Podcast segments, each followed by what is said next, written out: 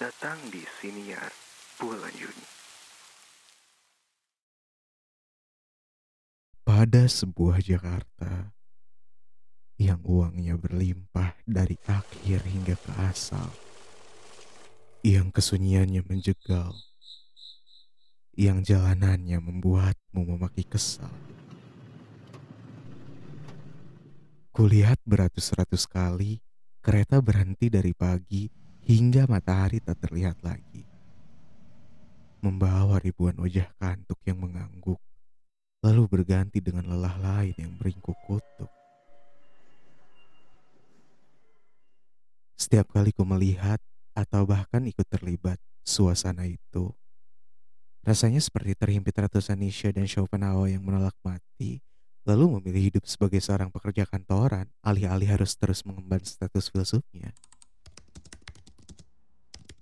Tapi setelah dipikir-pikir lagi ternyata itu muskil. Nietzsche akan tetap memeluk nihil dan Schopenhauer akan tetap mengencani pesimistis dalam gagasan-gagasannya. Namun tak bisa dipungkiri juga bahwa sekarang, di tahun ini pun, nihil dan pesimistis masih atau sempat hidup dalam tubuh-tubuh separuh dari populasi manusia yang mengada.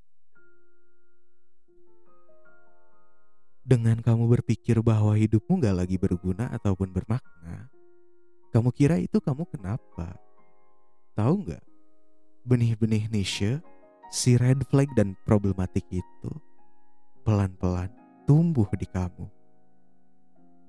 Terus setiap kali kamu mikir seolah besok nggak ada lagi harapan, nggak ada lagi kesempatan, atau ragu dalam kemampuan maupun keberhasilan, Tahu nggak kamu kenapa? Kamu tuh lagi dibisikin hal-hal pesimis buat ganggu impian-impianmu itu. Terus, apa dengan kamu kehilangan harapan atau motivasi? Itu berarti kamu juga ikutan problematik atau masuk ke dalam rentetan para red flag? Tentu enggak. Ini bukan soal kamu jatuh ke dalam kawah yang berisi kekosongan dan keputusasaan. Ini semua soal turning point. Soal kapan kamu mau mempersiapkan semuanya. Lagi, soal kapan kamu mau buat momentum yang memutarbalikkan keadaanmu dari yang tadinya hilang arah jadi kembali terarah. Aku tahu kok yang namanya penderitaan dan permasalahan setiap orang itu beda-beda. Gak ada satupun entitas yang bisa merasakan penderitaan seseorang secara paripurna.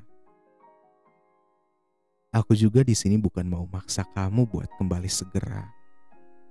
Aku cuma mau ngingetin.